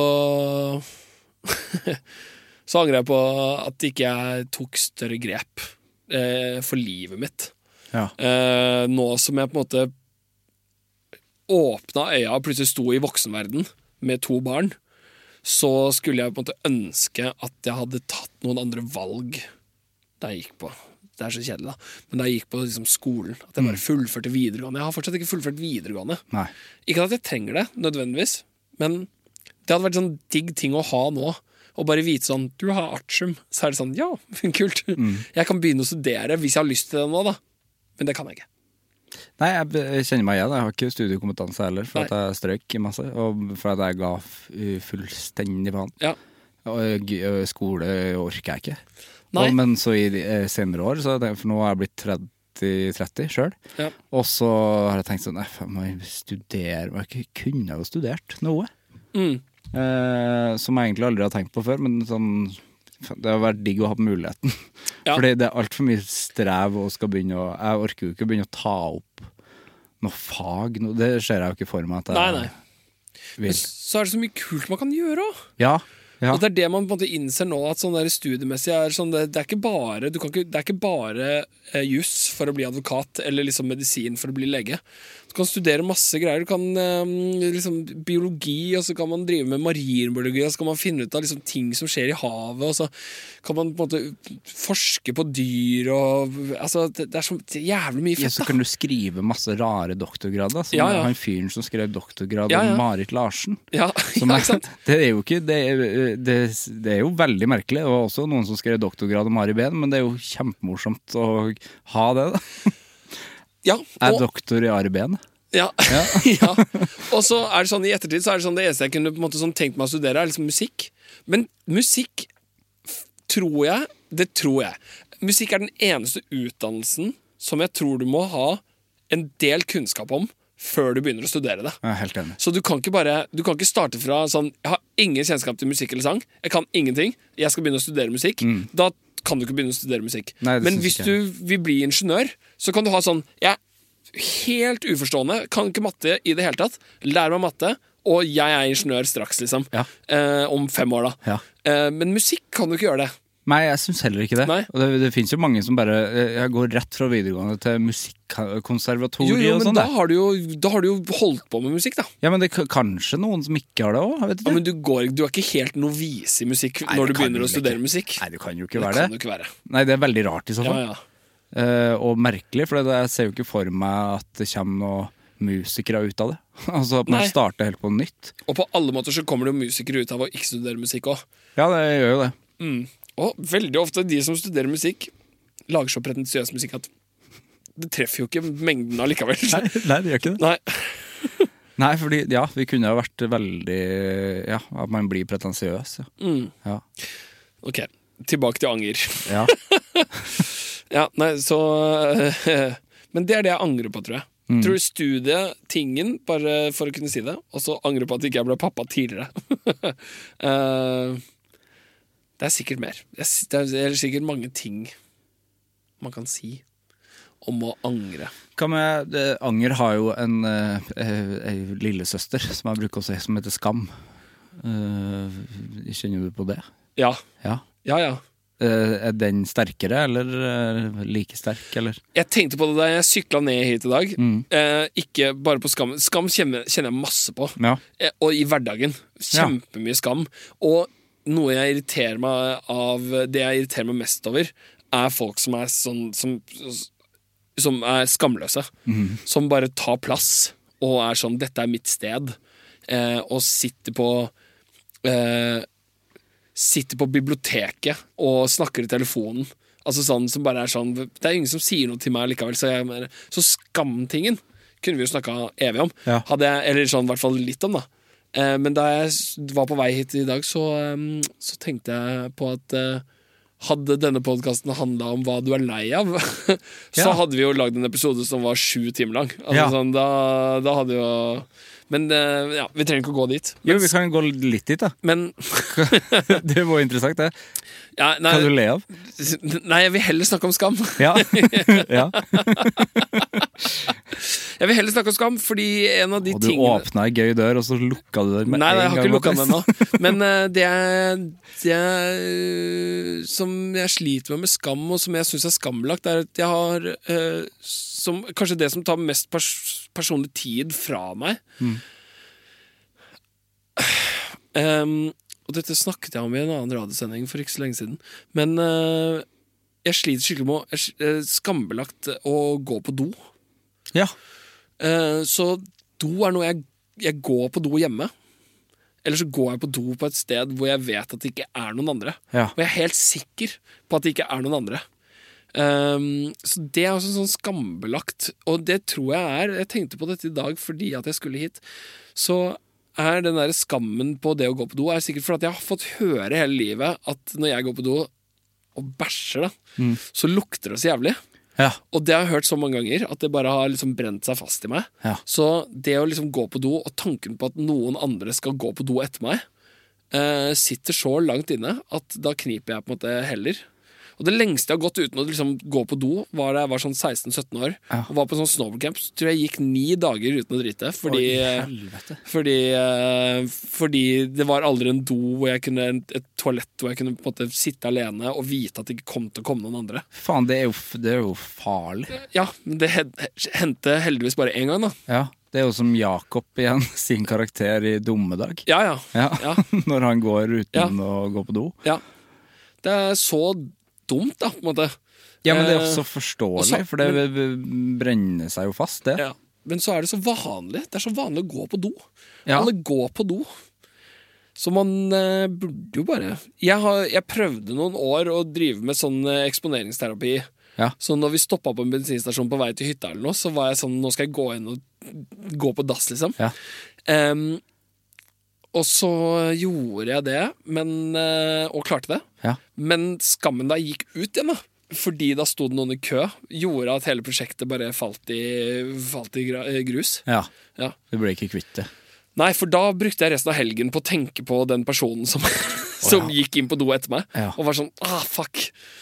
Det er såpass. Og så misunner jeg de som er sånn der for faen, selvfølgelig, du driter jo den personen som går etter deg, for du kjenner jo ikke den personen. Nei. Og det syns jeg er mye verre enn at hvis jeg hadde gått på do, og det var du som sto utenfor, Ja. så kunne jeg i hvert fall sagt til deg etterpå sånn «Ah, yeah. Ja, ikke sant? På en måte. Men Ja, for det kan du ikke si til den, den- fremmede den på fremmede skjell. personen som jeg aldri kommer til å møte igjen, kommer til å komme opp på hytta og være sånn Fy faen, dere kommer aldri til å vite hva som skjedde med meg i dag.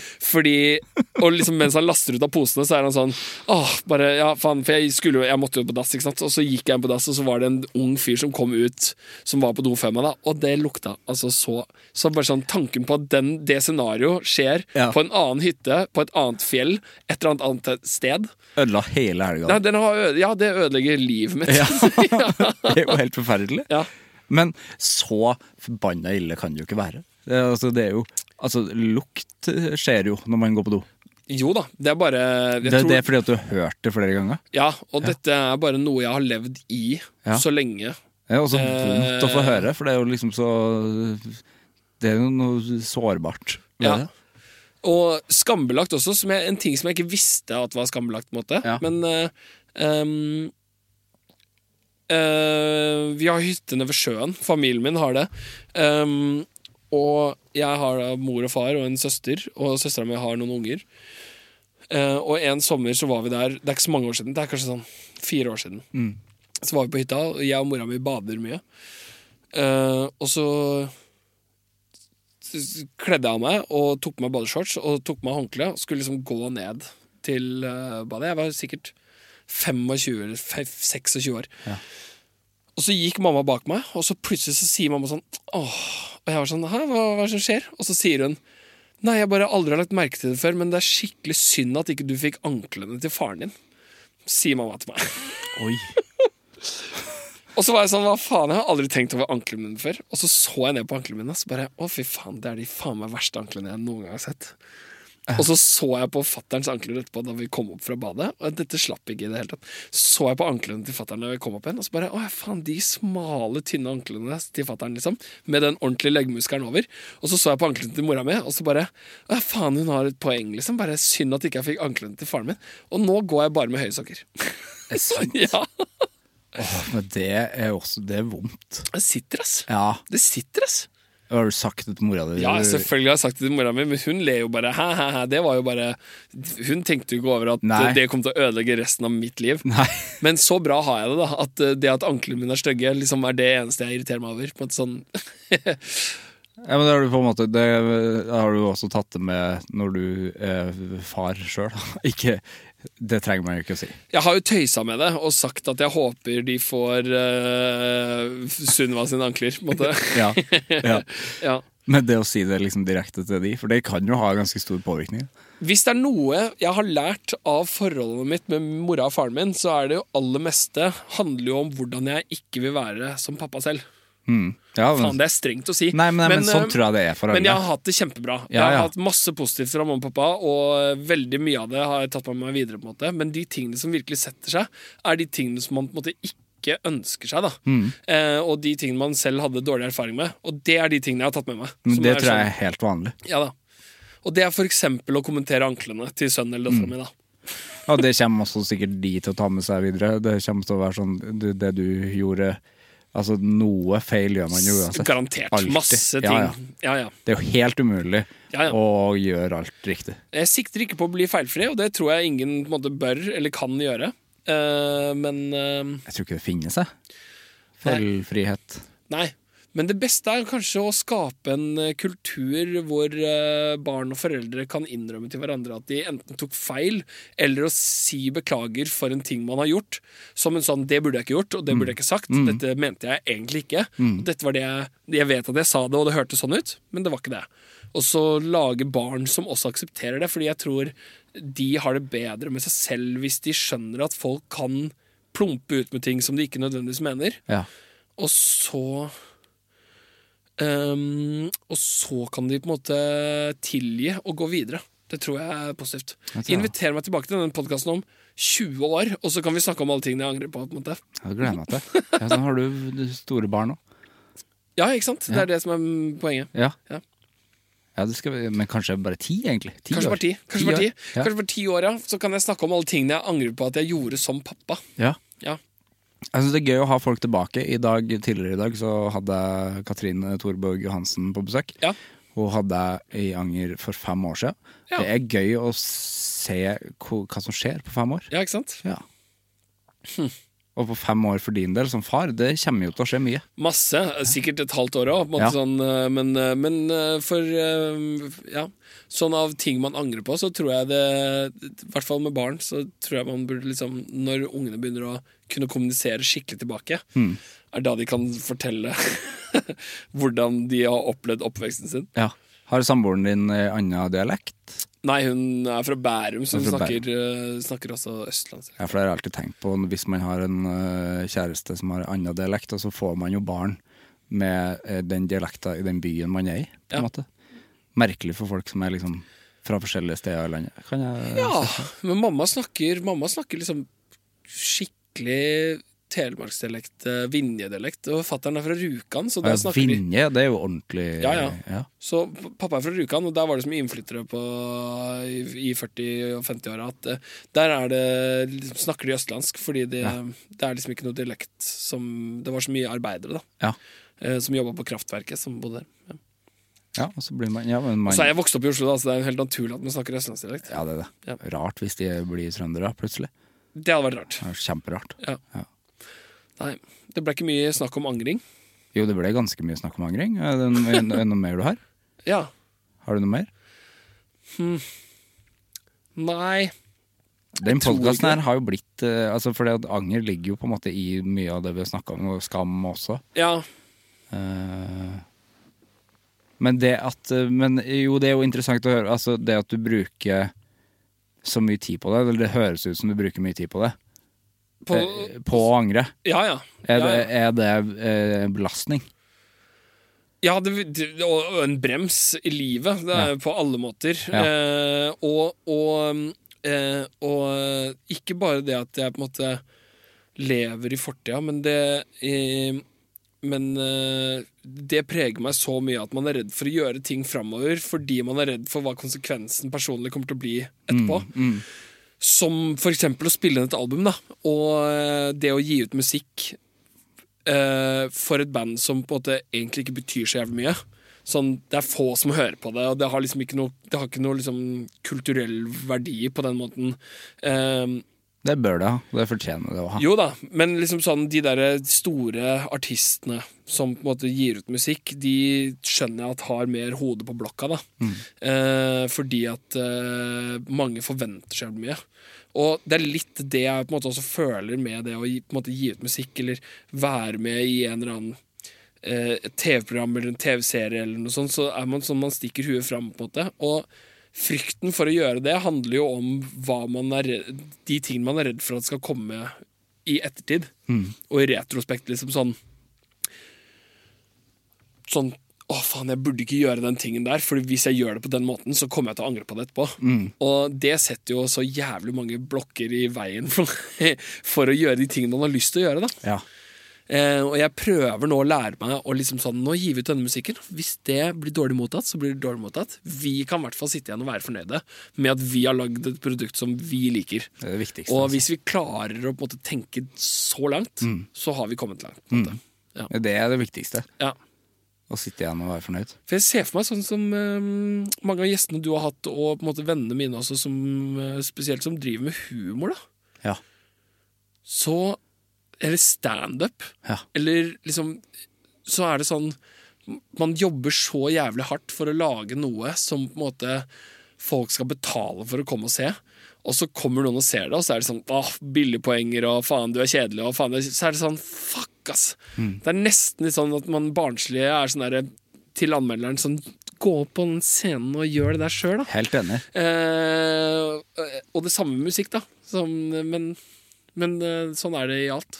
Ja, Vi er jo, jeg kjenner altså alle jeg snakker med i denne podkasten her, vi er jo en gjeng med selvpiskere. Ja, ja. Det er jo det vi er. Ja, ja. Og så er det på en måte ikke noe sånn her eh, Det er vanskelig å finne grunn til at man liksom eh, ikke gir seg, men det er jo det som skaper det, på en måte. At vi ikke gir oss. ja. Fortsetter jo. Det jo, Jo har jo vært kjipe ting, men det er jo noe i det som er veldig gøy.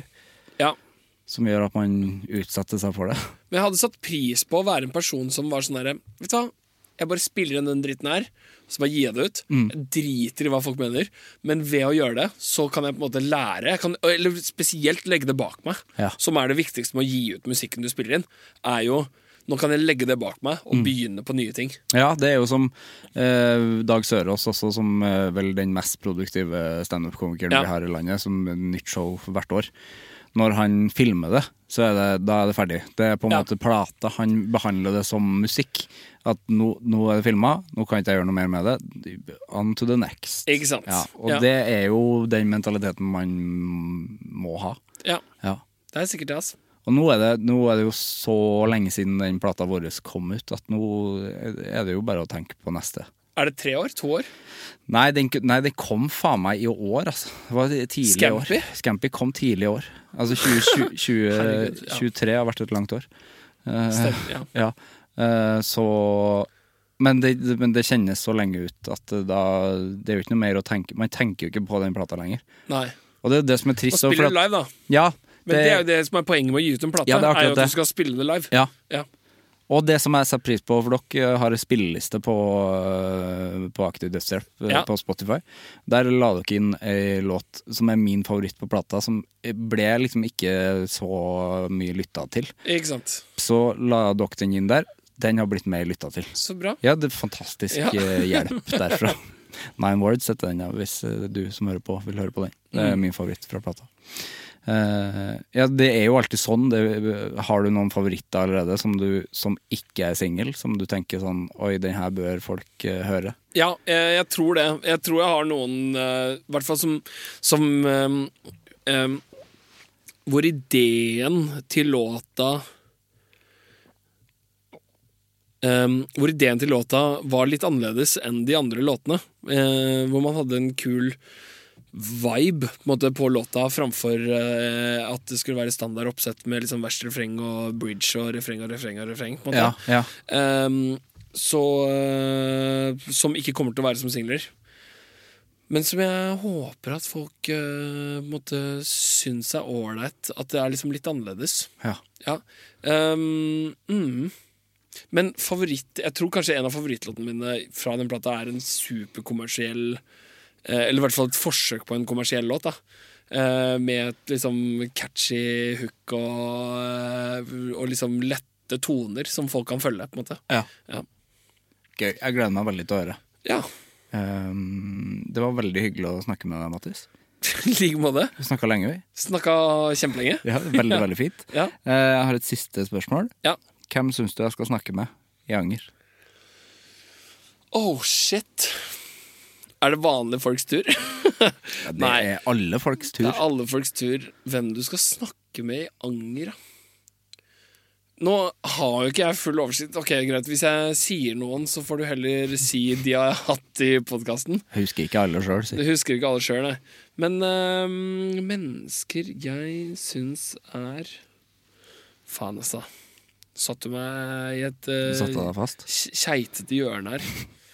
Ehm, skal vi se Ok, dette er dårlig radio.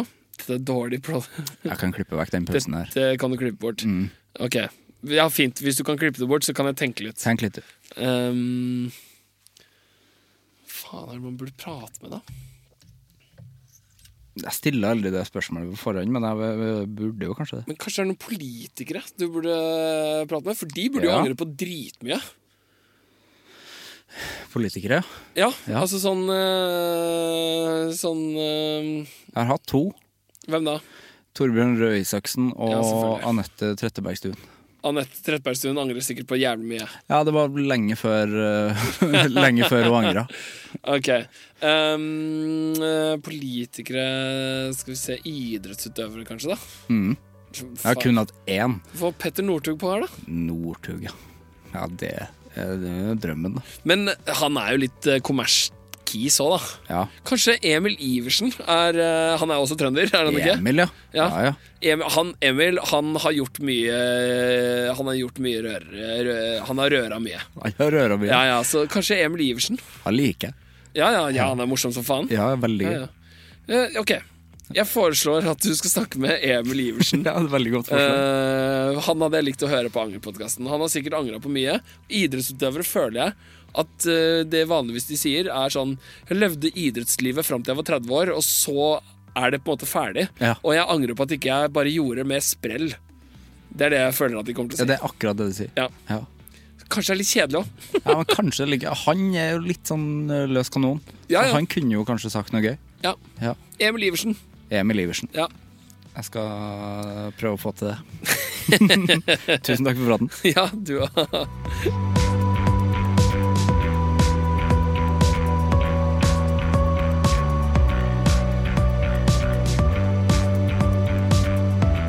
Det var Mattis og meg for en lang og trivelig prat med en uh, vokalistkollega.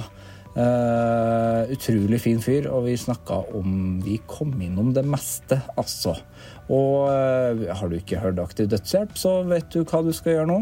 Hør på Aktiv dødshjelp. Vi høres. Hei. Produsert av Klinge.